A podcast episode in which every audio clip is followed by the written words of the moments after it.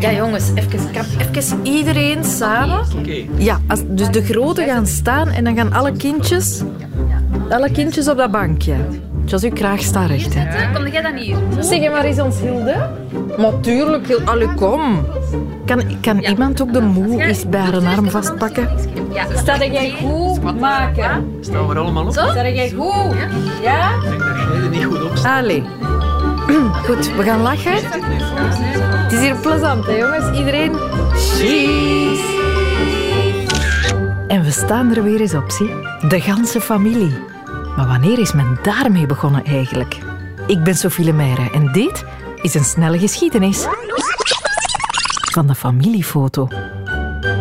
De geschiedenis van de familiefoto begint Wel, eh, bij het begin van de fotografie, hè, 1839, was al heel snel duidelijk dat eh, het niet alleen zou dienen om eh, een soort dienares te zijn, het mediumfotografie voor de kunsten en de wetenschap, maar om ja, onze geliefde te fotograferen. Dit is Johan Swinne, emeritus professor beeldcultuur, verbonden aan ja, heel veel universiteiten en liefhebber van het familiekiekje. En die eerste foto's van onze geliefde, die lagen eigenlijk nog heel erg in de lijn van de schilderkunst op dat moment. Iedereen stond er bijzonder deftig op. Ook omdat de opnameduur eh, die nodig was ons verplichtte om ons heel stil te houden. En dus zette men zich ernstig voor de peintre fotograaf, want zo werd de fotograaf toen nog genoemd. Er werd vooral niet te veel gelachen, want dat houdt niemand minutenlang vol.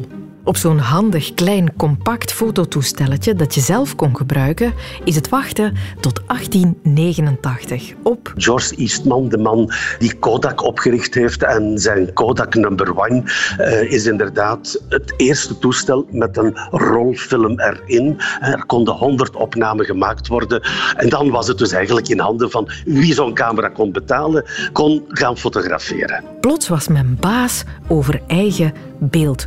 Zonder fotograaf konden we helemaal onszelf zijn op de foto. En dus wordt er gelachen, bedenkt men plezante poses en neemt men die fototoestellen overal mee naartoe. We merken ook dat men soms speciaal op reis ging om een foto te kunnen maken bij een belangrijk beeld, bijvoorbeeld voor de Ah. Eiffeltoren in Parijs of in Amerika voor het vrijheidsbeeld en zo meer. Dus dat men zegt van wij gaan op fotosafari, op fotorit, heeft ook wat toerisme veroorzaakt, die camera's. Zo ontstaan ook de dia-avonden van onkel Frans, u kent ze wel, die de hele familie wil, moet tonen hoe de Griekenlandreis geweest is. Ja, en wat jij nu zegt is eigenlijk eh, voor een groot stuk de essentie.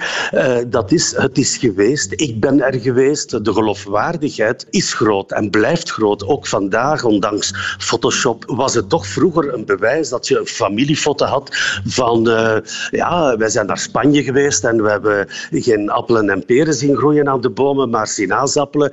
En dat was toch wel in de jaren zestig eh, een zeer belangrijk gegeven om dat ook te kunnen tonen. En om een beetje ook de andere mensen ja, de loef af te steken van, van kijk eens wat wij gezien hebben. Maar net zozeer willen we met de familie Kiekje simpelweg voor onszelf een moment in onze geschiedenis vastleggen. Een foto is een beetje zoals een, een mummie maken, hè? zoals mummificeren bij de Egyptenaren. Het is eh, iets wat heel levend is. Een spelend kind ga jij toch bevriezen in een fractie van een seconde, ga je vastleggen. En dat bezitterige is toch wel iets wat eh, heel eigen is van de fotografie. En dat neemt ook alleen maar toe. Sinds de opkomst van de smartphone mummificeren we alles. Onze latte, onze lunch, een mooie zonsondergang en onze bruine benen op het strand van Tenerife.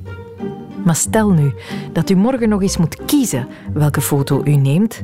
Kies dan toch maar voor de familiefoto. Omdat de foto die je vandaag maakt, morgen misschien niet meer gemaakt kan worden. Zo is dat helemaal.